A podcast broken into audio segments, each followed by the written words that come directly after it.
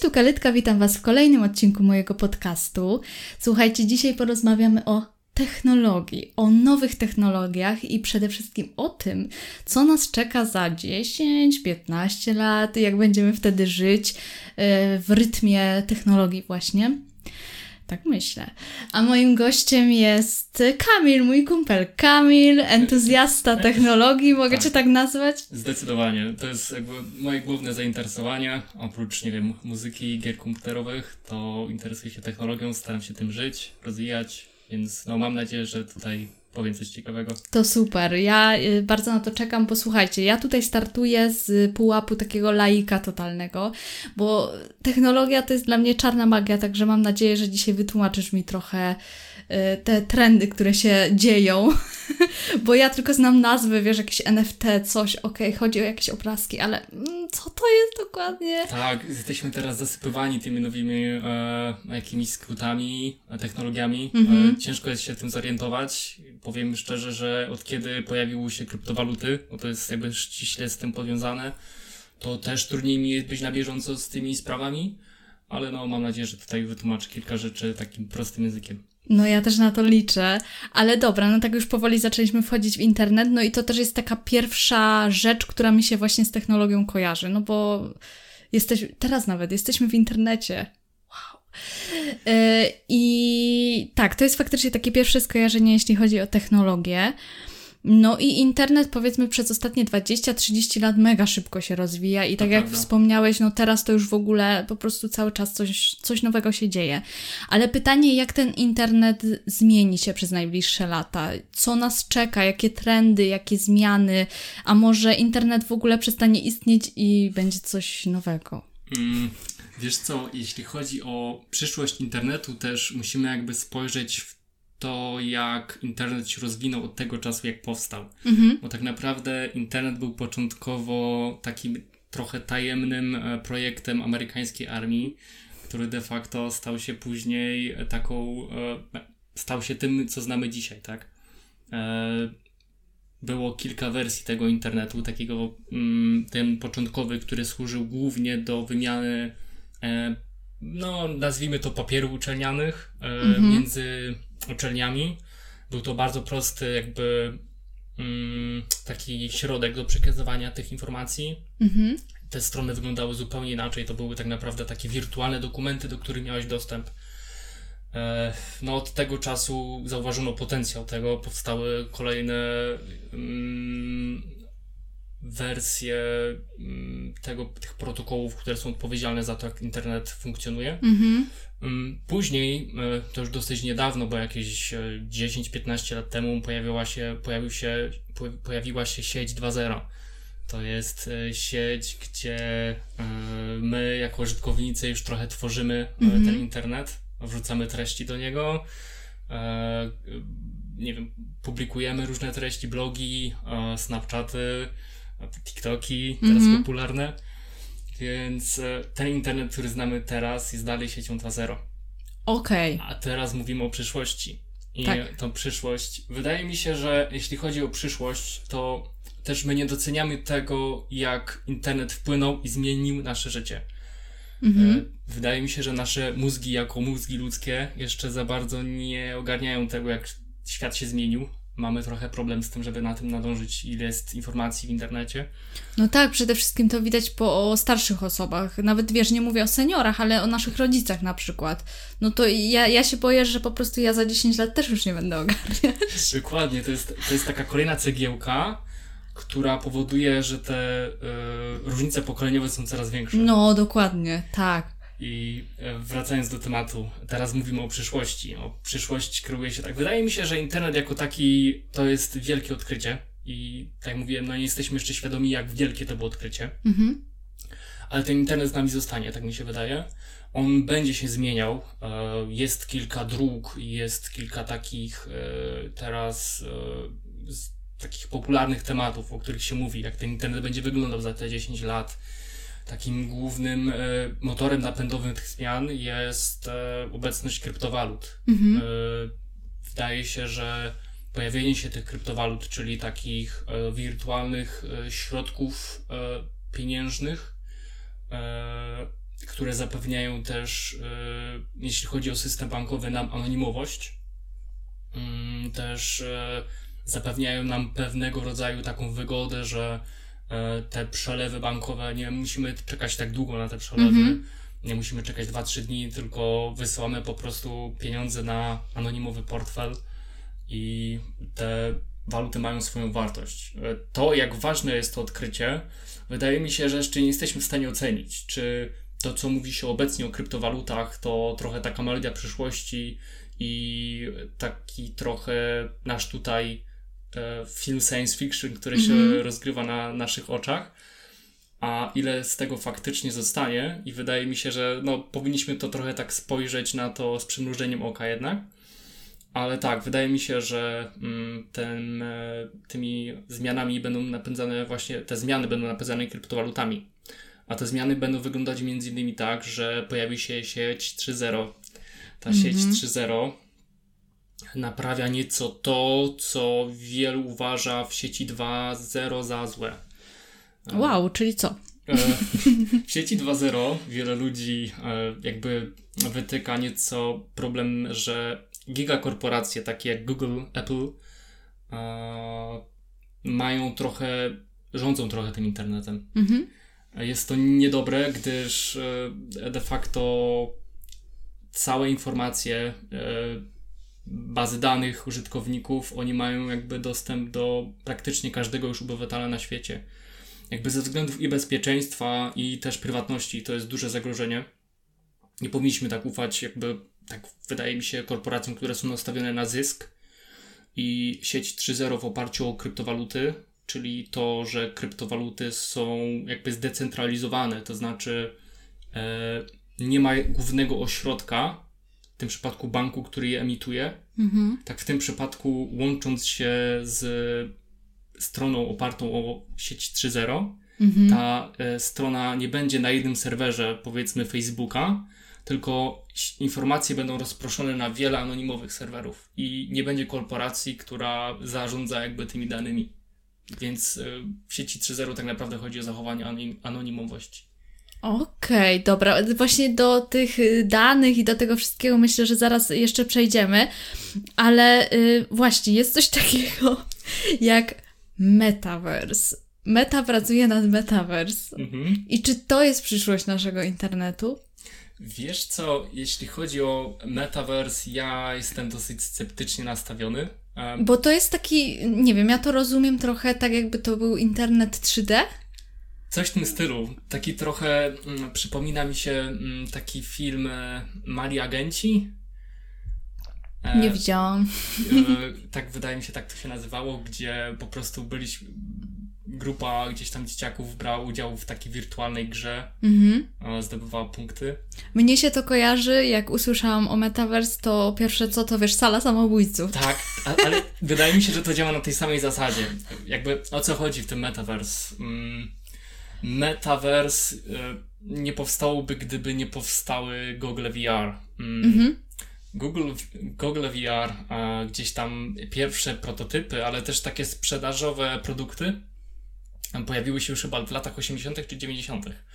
I to były takie proste okulary, y, które no, imitowały, mm, pozwalały wczuć się w ten świat 3D, bardzo prosty, bo wtedy jakby moce obliczeniowe komputerów były dosyć ograniczone mm -hmm. w mhm. porównaniu do dzisiejszych. I e, to był taki prosty świat i ten świat się nie przyjął wtedy. Czy ludzie nie byli gotowi, czy to technologia nie podołała, nie dała rady, no trudno oceniać, no, ale teraz mamy powrót. E, Google, e, Google VR i e, dzięki temu, że staje się to teraz coraz bardziej popularne, to mamy mm, korporacje, Facebook stwierdził, że to jest całkiem niezły pomysł, żeby na tym zyskać. To znaczy stworzyć wirtualny świat, w którym my dzięki właśnie posiadaniu takich goli mm, będziemy mogli uczestniczyć na przykład w jakichś rozgrywkach albo spotkać się z, ze znajomymi, którzy są na drugim końcu świata. Mhm. I... Albo kłócić się z ludźmi na Twitterze. O... tak bić się. na Twitterze, gdyby tak było, taki przycisk na przykład wyjaśnij sprawy na Metaverse, przenosisz się. Idealnie. I, tak. można spoliczkować kogoś, to by było całkiem niezłe. Trumpa, chociaż goś tam chyba nie ma. Został zbanowany. Dudę. O, na przykład, no nie wiem, nie wiem, mało lubianego celebrytę przez nas. Mm -hmm. tak, ale mm, jeśli chodzi o Metaverse, e, też e, odnosząc się do takiej totalnej przyszłości, wydaje mi się, że ten Metaverse nie wiem, czy do końca się dobrze przyjmie. Jakby obecnie mamy problem taki, mamy mm, no niestety trudny okres. Ten trudny okres jakby obfituje między innymi w to, że jest problem z urządzeniami elektronicznymi, jest problem z dostawami. Mm, mhm. Sprzęt elektroniczny cały czas drożeje, a Google VR wymagają e, komputera, jakby nie patrzeć. Więc e, nie, nie za bardzo przystępne są obecnie ceny tych gogli, a co idzie, sam metaverse staje się jakby takim trochę taką zabawą dla bogatych obecnie. E, w przyszłości może się oczywiście to zmienić. Zobaczymy, śledzę jak się to rozwija pojawiają się coraz większe wątpliwości. Na przykład yy, widziałem i czytałem coś takiego, że istnieją duże jakby obawy co do rozstrzygania pewnych spraw w jeśli chodzi na przykład o mm, napastowanie seksualne, yy, mhm. pewnego rodzaju takie nękanie ludzi i jak, jak, jak jakby panować nad tym światem. Mhm. To chyba będzie duży problem. Okej, okay, okej, okay, rozumiem. A powiedz mi, e, no dobra, bo już wiemy mniej więcej, jak internet będzie wyglądał, a jakich trendów w internecie w najbliższym czasie możemy się spodziewać? Tutaj możesz zahaczyć też o NFT, bo to chyba taki najświeższy. E, tak. E, Czy to się utrzyma w ogóle? Myślisz, że to będzie istnieć? Wiesz co, jeśli chodzi o NFT, mm, to jest taki trochę temat kontrowersyjny teraz. Szczególnie, że dużo polskich i zagranicznych celebrytów teraz ustawia sobie śmieszne miśki. No małpy. właśnie, sprawa z miśkami jest dosyć podejrzana. Y, tak, no dużo ludzi twierdzi, że e, te, to trochę wygląda jak jakaś piramida finansowa. Mhm. Taki trochę country club, to znaczy zapłać jakby masz dostęp do jakiegoś tajemniczego klubu, gdzie jest do wygrania jakaś nagroda i możesz się spotkać z celebrytami. Tak, już widzę, jak Krzysztof Gonciarz spotyka się tam z Magdą Gessler na przykład. tak. Jest jeszcze kilka takich połączeń, o których mógłbym tutaj powiedzieć i nie wiem, z jednej strony NFT jestem sceptycznie nastawiony, ale jeśli do tych spotkań miałoby dojść, to mhm. chętnie bym to zobaczył. tak powiem. Okay. Ale co to jest NFT? NFT tak. też oparte jest o kryptowaluty. O co tutaj chodzi? Chodzi o to, że NFT to tak naprawdę taki niewymienny token. Ten niewymienny token pozwala ci nabyć certyfikat, tak jakby posiadania pewnego obrazka. I ten certyfikat, yy, no, nie gwarantuje ci tego obrazka. Nie masz fizycznie JPEGa na przykład, albo nie wiem, nikt nie przysyła ci na pocztę jakiegoś, jakiś obraz. Okej. Okay tylko masz taki certyfikat i wirtualnie dostępny, gdzie ktoś może zobaczyć, że na przykład yy, kaletka posiada obraz i ona jest właścicielem tego obrazu, który jest dostępny w internecie. Mhm. Yy, możesz ten certyfikat odsprzedać. Yy, wydaje mi się, że to jakby mm, na tym głównie polega jakby idea NFT, by mm, handlować nieco tymi obrazkami. Też wydaje mi się, że na początku trochę idea mm, NFT była nieco inna. To znaczy chodziło o zadbanie o prawa autorskie, gdzie mm, fotograf mógł bezpiecznie na przykład y, posiadać taki certyfikat i każdy by wiedział, że ten obraz, który on wykonał, gdzieś tam jest rozpowszechniany w internecie legalnie lub nielegalnie, mhm. jest y, jakby jego własnością, jest jego, jest jego autorstwa. Więc y, obecnie wygląda to tak, że NFT jest wykorzystywane właśnie trochę ala mm, taka, taki bilet właśnie wstępu do jakiejś takiej dosyć ograniczonej liczbowo grupy, która ma jakieś plusy, to znaczy powiedzmy jest 5000 śmiesznych niedźwiedzi i tych pięciu każdy, każdy niedźwiedź to tak naprawdę udział w pewnej loterii, by wygrać powiedzmy jakiś jacht. Przynajmniej tak twórcy obiecują. E, mhm. Problem polega na tym, że no, nie wszystkie te akcje zakończyły się, jak możemy myśleć, tak jak twórcy zapowiadali. Mhm. Dlatego no, trudno jakby ufać, e, wchodząc w takie tematy jak NFT. Też e, NFT jest dosyć kosztowne, jeśli chodzi o produkcję, to znaczy samo kopanie kryptowalut jest dosyć kosztowne, to znaczy trzeba naprawdę dużo prądu, dużo energii zużyć, żeby doszło do tego procesu. A co za tym idzie, no jest to jakby bardzo, no to nie wpływa dobrze na środowisko, tak. Mhm. Ale też właśnie słyszałam o tym, że mm, ci osoby, influencerzy, bo to oni głównie w tej chwili mają i tam jacyś celebryci, którzy mają to NFT, to nie muszą informować o tym, jakie jest ryzyko zainwestowania w to. Że na przykład jak, nie wiem, inwestujesz na giełdzie, no to tutaj jesteś zapoznany z tym ryzykiem, że może się to wiązać z tym i z tym, a tutaj nie ma tego, choć w rzeczywistości jest to trochę granie na giełdzie. Wiesz co, jeśli chodzi o granie na giełdzie tej kryptowalutowej, ona jest e, bardzo podobna do tej giełdy naszej zwyczajnej. Z mhm. tym, że ona działa przez 24 godziny. I o ile nasze prawo reguluje giełdę, i jakby bogacenie się i tak dalej. Jakby giełda z nami już jest bardzo dużo czasu, rynek i tak dalej, to wszystko jest nam znajome. O tyle kryptowaluty są na tyle mm, nowym e, jakby środkiem płatności i też na tyle mm, jakby no, są pewnego rodzaju takim nowym, to, to prawo jeszcze nie zostało zaktualizowane. Też wydaje mi się, że trudno jest tutaj działać jakby w kryptowaluty, bo de facto zaletą kryptowalut jest to, że one nie są kontrolowane. Kryptowaluty są e, zdecentralizowane, to znaczy nikt nimi nie zarządza. Mhm. I być może e, influencerzy nie, so, nie muszą, nie muszą e, jakby informować swoich widzów, by, mm, że to jest czegoś rodzaju inwestycja, że to jest reklama bo po prostu prawo jeszcze nie przewiduje. Nie ma takiego przypadku, że mm -hmm. e, nie wiem, gdzieś w ustawodawstwie, że ej, jeśli reklamujesz różowe niedźwiadki, no to powinieneś o tym napisać na Insta. No i... Czyli to jest taka bardziej kwestia moralności niż prawa. Wydaje mi się, że tak. I mm -hmm. e, powiem Ci szczerze, że jeśli ja obserwuję teraz e, coraz więcej celebrytów i to takich celebrytów gdzieś tam, których ja trochę ceniłem i też nawet celebrytów, z którymi ja nie kojarzyłbym kryptowalut. Jakby, tak jak wspomniałeś, Magda Gessler. To jest absurd. To jest, to jest po prostu absurdalne, tak? Pojawił się nagle jakiś żółty niedźwiadek. E, osoby, które wiedzą o co ho, no to wiedzą o co ho, ale reszta, no, kliknie w link, zobaczy co to, o co chodzi. Być może nawet kupi, bo mhm. będzie chciała być, funkcjonować po, podobnie jak celebryta.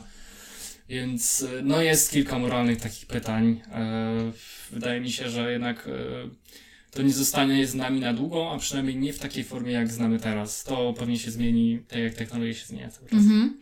A myślisz, y, że kryptowaluty wyprą taką walutę, wiesz, fizyczną?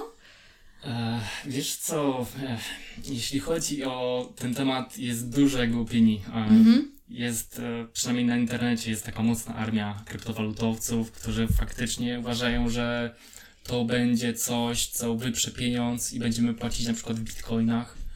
Ale też yy, wydaje mi się, że jeśli doszłoby do tego, yy, to, to byłby proces bardzo długi i yy, też ja jestem niestety, znaczy niestety, jestem po prostu bardziej, jestem sceptycznie nastawiony do tego, że ten proces w ogóle by zaszedł. To znaczy, wydaje mi się, że obecnie kryptowaluty jeszcze muszą trochę dojrzeć do tego, e, by się stały naszym głównym środkiem płatności. Jasne, są takie kraje, jest taki kraj jak Salwador, który ogłosił Bitcoin e, swoją e, walutą narodową. Wow. Tak, prezydent, prezydent bodajże, chyba prezydent tego wspaniałego kraju jest takim znanym kryptogajem. A, tak, i e, gdzieś tam bardzo się to odbiło pozytywnie jakby na kursie e, Bitcoina. Więc każda zapowiedź tego, że mm, prezydent kupuje e, Bitcoin, oczywiście musi się uprzednio znaleźć na Twitterze. Mm-hmm. Tak. Okay. E, z tego co słyszałem, to mieszkańcy tego kraju tak dosyć sceptycznie podchodzą do tego pomysłu, żeby mm, ze środków państwowych finansować kryptowaluty Ale tak, yy, jakby pojawiają się takie pomysły. Wydaje mi się, że to raczej mm, będzie problematyczne, bo też jeśli chodzi o decentralizację, z jednej strony jest prywatność, ale prywatność jest trochę taka, jest bardzo ważną kwestią w naszym życiu, ale ta prywatność może też oznaczać coś e, bardzo jakby niebezpiecznego. To znaczy, kryptowaluty mogą być wykorzystywane do anonimowego kupna rzeczy, które nie do końca są legalne. Okej, okay. czyli mówimy tutaj o darknecie na przykład. Na przykład. Mhm. Większość płatności wydaje mi się, że jest przeprowadzona w kryptowalutach właśnie. Okej, okay, a myślisz, że z czasem e, kryptowaluty nie będą bardziej mm, poddane jakiemuś prawu i na przykład, e, tak jak mówiłeś o tym, że teraz w sumie to nie jest zbyt kontrolowane i tak dalej, myślisz, że z czasem nie będzie tak, że one wejdą pod jakąś kontrolę? E, wiesz co, pierwsze co rzuca się mm, jakby w oczy yy, i to co nabiera największego rozgłosu wśród osób, które są zainteresowane kryptowalutami, to to, czy zostaną opodatkowane. Bo tu wiadomo o co chodzi, a nikt nie chce, żeby dawać swoje pieniądze na no rzecz tak. państwa.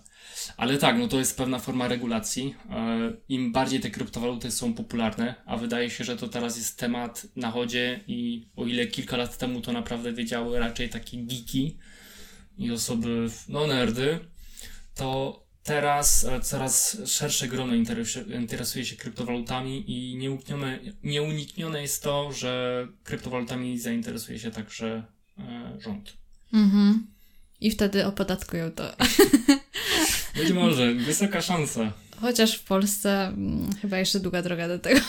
Jesteśmy trochę do tyłu, jeśli chodzi o technologię i też wydaje mi się, że te kryptowaluty musiały, bo tak jak mówisz, one są coraz, coraz to bardziej popularne i, i faktycznie dużo ludzi się tym zaczyna interesować, ale nadal to jest jakaś nisza, powiedzmy. Więc one musiałyby być dużo bardziej przystępne, żebyśmy my byli w stanie dzisiaj zrezygnować z fizycznego pieniądza na rzecz kryptowalut. Więc ten proces chyba musiałby trwać, no podejrzewam, kilkanaście, kilkadziesiąt lat. To też jest ta kwestia pokoleniowa. Mhm. Wydaje mi się, że na przykład nasi rodzice, nasi dziadkowie, dla nich to jest temat naprawdę na zasadzie science fiction. To jest coś niezrozumiałego. Mało tego, dla osób w naszym wieku to jest bardzo ciężki temat. Jakby dla to, mnie. To jest y, kryptografia, to jest ściśle powiązane między innymi właśnie z algorytmami, z matematyką. Jakby ciężko jest to wytłumaczyć, mhm. ale. Mm, Wydaje mi się też, że ten temat jakby kryptowalut, e, nasze dzieci, jeśli te kryptowaluty by z nami zostały, te nas, nasze dzieci już mogą e, traktować kryptowaluty z taką samą łatwością jak na przykład pieniądz. To jest po mhm. prostu kwestia świata, w którym się urodziliśmy i z czym mieliśmy do czynienia od naprawdę bycia małym. Tak, z czym teraz staliśmy. Tak, tak. I e, naprawdę teraz, jeśli chodzi o kryptowaluty, musimy się doszkalać. Mm, musimy oglądać filmiki, które nam tłumaczą, jak działają kryptowaluty, ale tak jak mówię, no być może przyszłe pokolenia już nie będą wiedziały, jak działały pieniądze na przykład. Tak mm-hmm. jak y, nam się wydaje nierealistyczne to, kiedy nie było pieniądza i płaciliśmy wymianą pewnych y, barterem, tak? Mm-hmm. Pewnych dóbr. Ostatnimi czasy dużo też mówi się o bezpieczeństwie w sieci, prywatności, manipulacji, inwigilacji itd., tak itd. Tak Coraz więcej jest w sumie takich e, ataków hakerskich, o których po prostu słyszymy, wow, ktoś się wkradł na Facebooka i wykradł ileś tam danych użytkowników. E, ale sami jesteśmy tak naprawdę na co dzień po prostu świadkami tego, e, jak nasze smartfony chociażby nas śledzą, przez to, że, no nie wiem, teraz sobie mówimy o czymś i założy się, że e, jak wezmę telefon po nagrywkach, to już będę miała reklamy e, kup nowy telewizor albo zainwestuj w kryptowaluty i tak, tak dalej, nie? Więc to jest po prostu, no, jawna inwigilacja.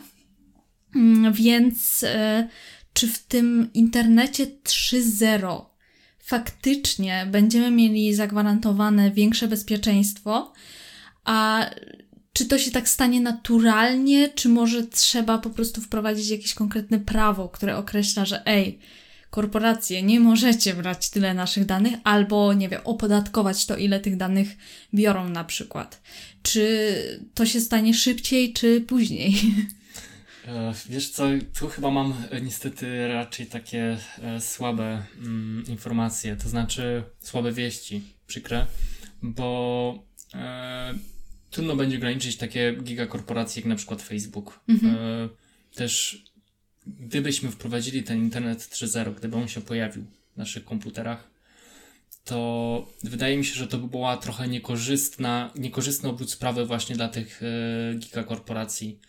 E, wydaje mi się, że wtedy straciliby pieniądze i to jest moim zdaniem główny mm, argument mm, przeciwko właśnie pojawieniu się Web 3.0, że przy całej szlachetności tego zamiaru, e, tej technologii, ona może po prostu nie, uży, nie ujrzeć światła dziennego, między innymi dlatego właśnie, że będzie blokowana przez e, gigakorporacje. E, też idea tego, by mm, na przykład opodatkować e, Facebooka i tak dalej, jakby mieliśmy niedawno całkiem e, tak niedawno mm, taki problem e, na linii Australia-Facebook.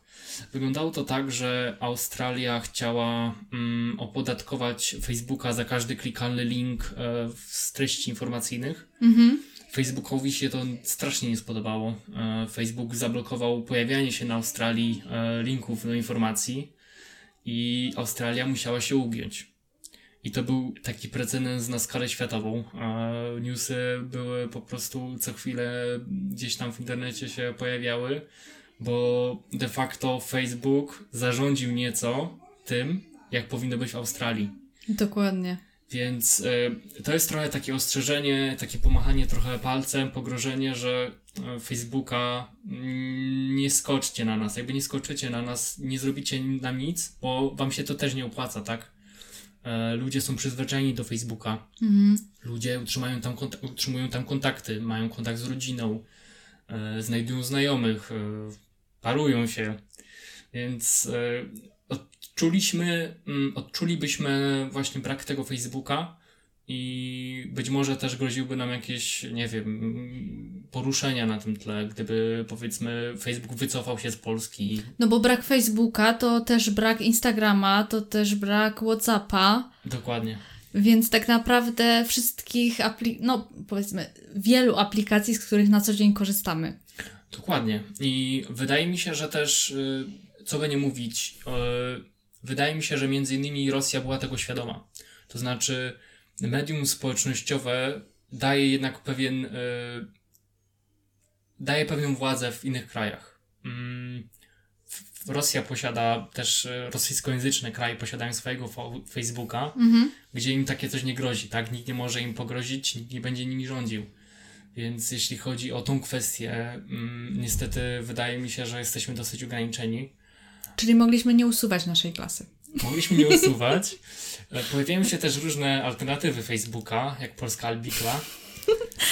Tak, ale jest tam tylko papież Jest- obecnie. Tak, dokładnie. E, Jest kilka rodzajów papieżów, więc e, no, jesteśmy trochę takiej, jesteśmy trochę zamknięci, ale też z drugiej strony mm, możemy wymagać i wydaje mi się, że nawet prawnie o zachowanie prywatności po prostu. Mhm. Pewne rzeczy, jak na przykład wprowadzenie RODO, e, też zmieniło to, jak e, Facebook funkcjonuje. To znaczy, mamy ostrzeżenia wszędzie o tych nieszczęsnych ciasteczkach.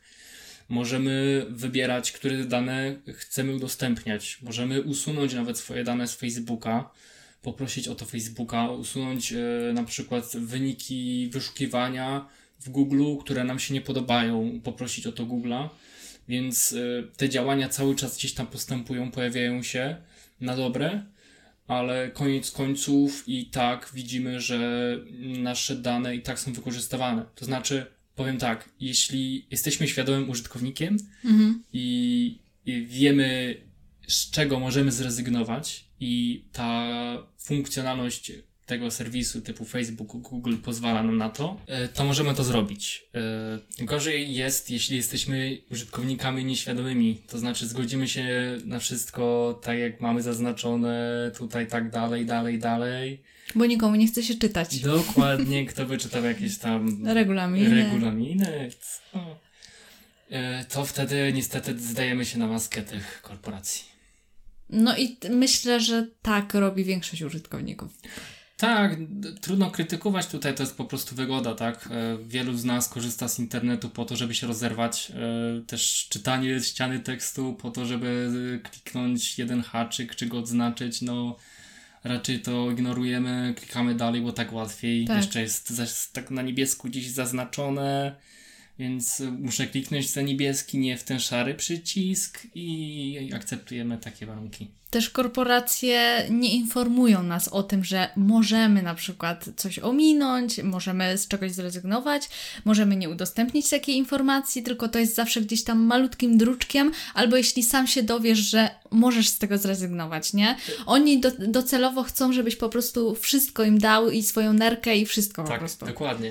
I też te strony są po prostu stworzone tak, by ta opcja wyjścia z tej defaultowej opcji była jak najtrudniejsza. Mhm. Tak po prostu jest stworzona. Czyli będzie coraz gorzej w tej kwestii. E, będzie coraz gorzej, jeśli o to nie zadbamy. Też mhm. my gdzieś tam w codziennym życiu po prostu nie będziemy o tym myśleć. No, nasze bezpieczeństwo nadal zależy głównie od nas i na końcu to zawsze użytkownik jest tym najgorszym, najsłabszym elementem, przepraszam użytkowników wszystkich, ale e, no niestety tak jest, że kiedy widzimy jakiś link, to klikamy w niego i no, coś się dzieje złego. Mhm. Dobra, no to na chwilę wychodzimy z internetu i teraz przy, przyjrzymy się trochę naszemu życiu codziennemu. Jak ono tak no, hipotetycznie będzie wyglądać za 10-15 lat. Czyli jak technologia zmieni nasze życie i na przykład z jakich gadżetów na co dzień będziemy korzystać i czy będą w końcu latające samochody. Wiesz co, chciałbym bardzo, żeby nasze życie wyglądało trochę jak e, ta przyszłość z powrotu do przyszłości. To, to z tego mema, że Polska, gdyby mój stary był prezydentem. tak. Ta, ta seria memów z tą e, Polską jest piękna. tak. Ale e, e, chciałbym, żeby to tak wyglądało, żebyśmy latali na tych deskach, mm, mieli te kurtki z tymi e, autodopasowaniem i pizza, która pojawia się po kropli wody. Mhm. Ale no nie będzie wyglądało to tak chyba wspaniale. Mm, wydaje mi się, że taką e, najbliższą nam e, kwestią, która już się pojawia u nas w domach powoli, tych bardziej nowoczesnych, to internet rzeczy, smart domy.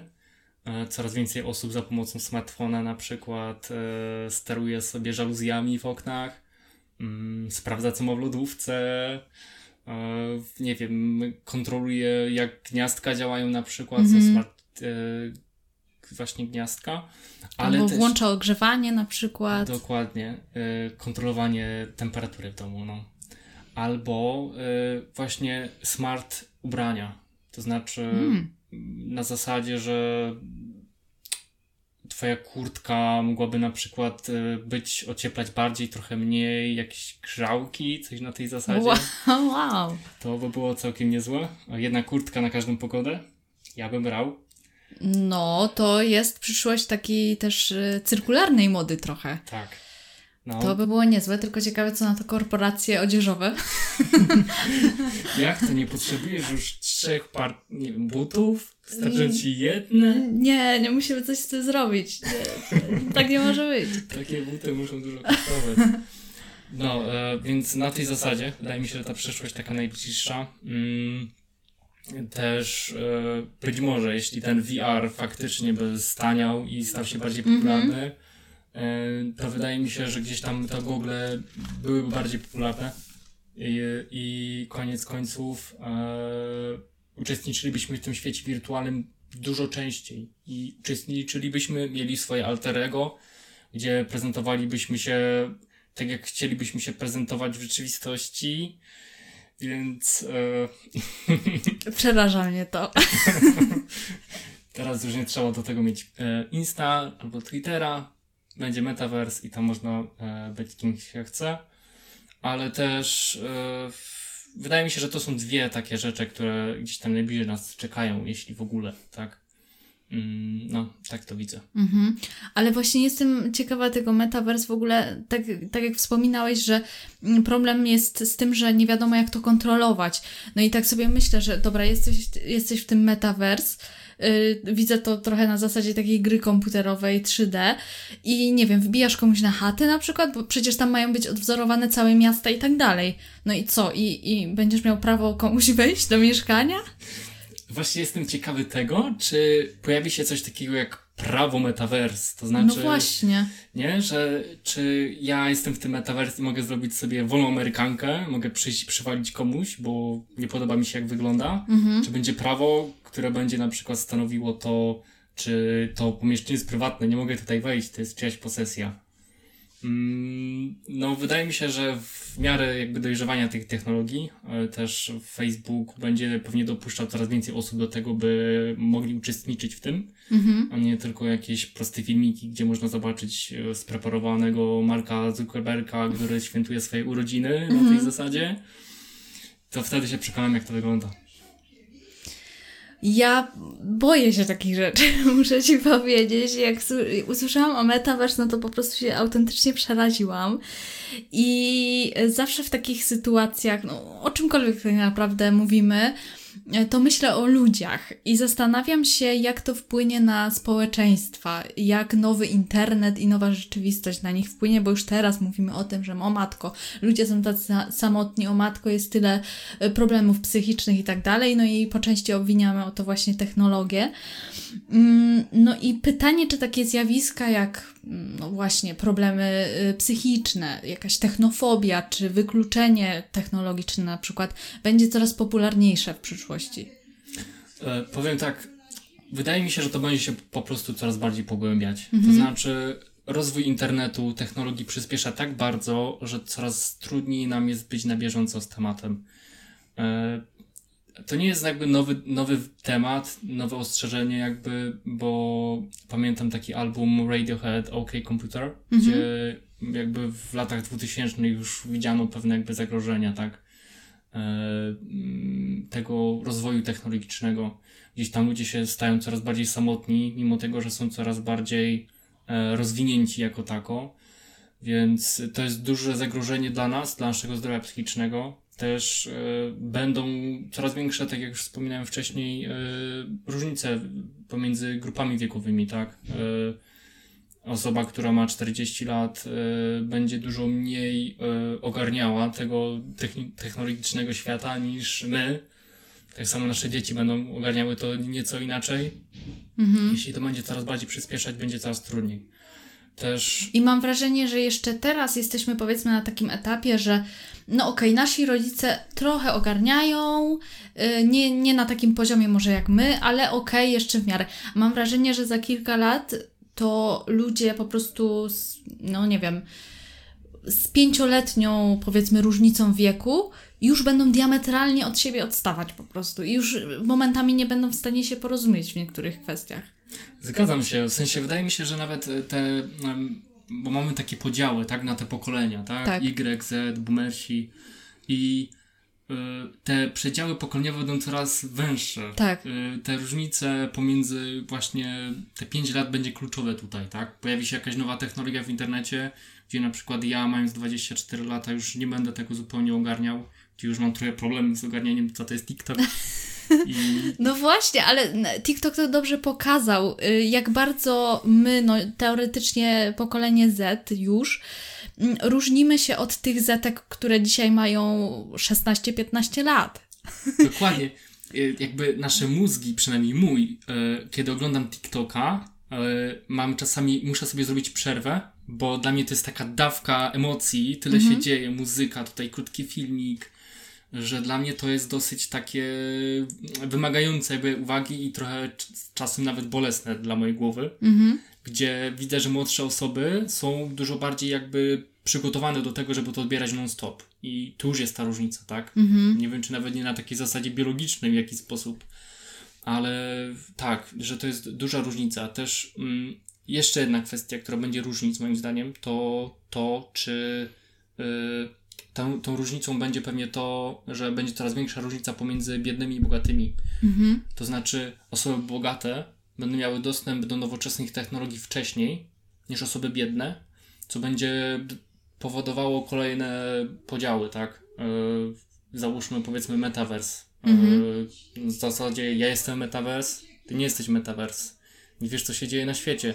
Załóżmy, czy na przykład nie będzie się kiedyś pracować w takim metaverse, tak? Siedzisz w domu, bierzesz okulary, spotykasz się z twoimi kolegami w pracy, patrzysz sobie wirtualną kawę i osoba, której nie stać na Google, nie zrobi tego, tak? No już mamy tutaj pewien e, problem, tak? No, Czyli zacznie się tak naprawdę od ograniczenia informacji i może dojść nawet do tego, że gdzieś tam ograniczyć to pewne czynności życiowe. Dokładnie. Yy, Wydaje mi się, że jeśli rząd też, gdyby rząd się tak rozwinął, to musiałby zadbać o to, by każda osoba miała do tego dostęp, tak? Gdyby ta technologia stała się tak kluczowa w naszym życiu, no to wydaje mi się, że rząd musiałby szczególnie zadbać o to, żeby te technologie były dostępne dla każdego.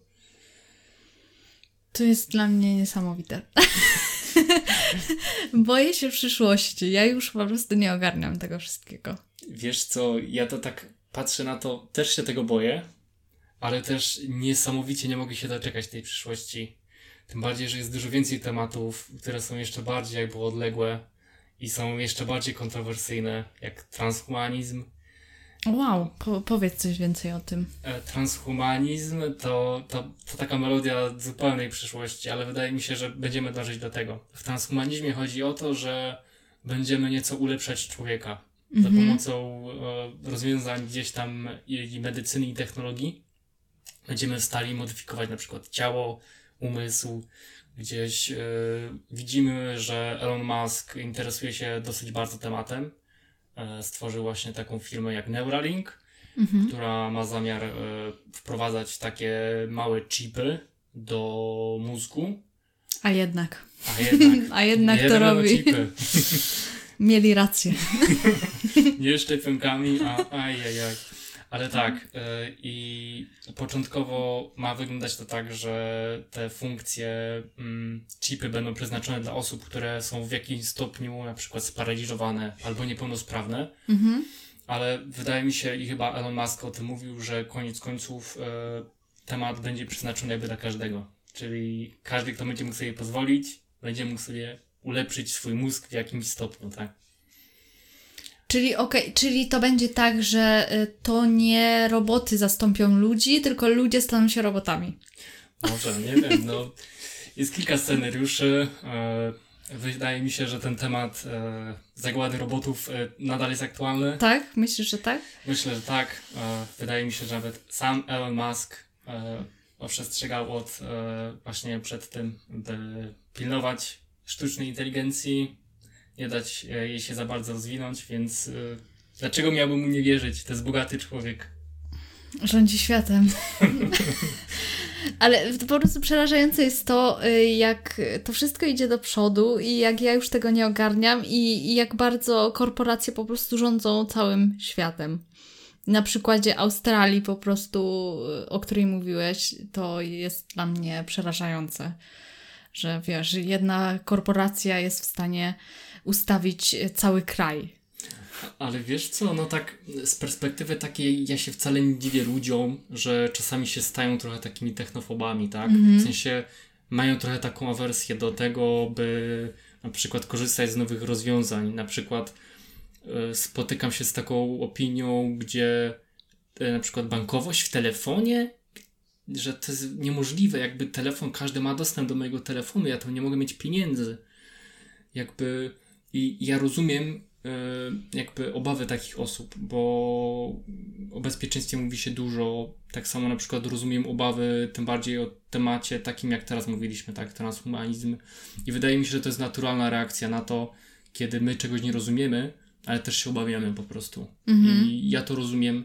Po prostu wydaje mi się, że pewne tematy, takie jak kryptowaluty, jak to, co czeka nas w przyszłości, y, powinny być nieco łatwiej jakby dostępne i przetłumaczone takim naprawdę prostym językiem, tak by nikt nie czuł się przerażony. Bo jeśli nawet taka rzecz jak szczepionki są w stanie wywołać u nas takie spu- spustoszenie w społeczeństwie, to co dopiero kiedy pojawi się taki temat jak transhumanizm, tak? Gdzie ja naprawdę nie wyobrażam sobie, co będzie się działo na ulicach. No, myślę, że to na pewno w ogóle się nie stanie w jakiejś bliskiej przyszłości. Nie wiem, czy y, za naszego życia doczekamy tego w ogóle.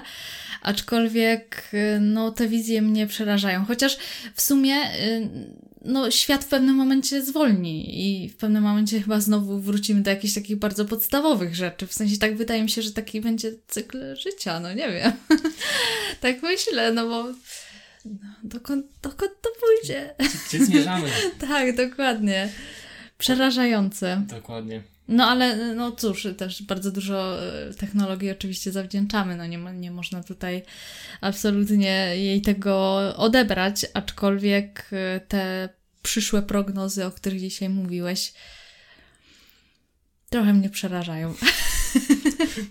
Nie za zadanie wyjaśnić, no niestety trochę postraszyłem, ale no niestety, tak e, wydaje mi się, że będzie wyglądała przyszłość też to się zmienia tak szybko, że być może za miesiąc ten odcinek podcastu już będzie nieaktualny.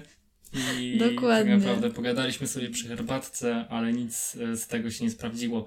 No ale cóż, trzeba obserwować i żyjemy w tym świecie, trzeba być na bieżąco.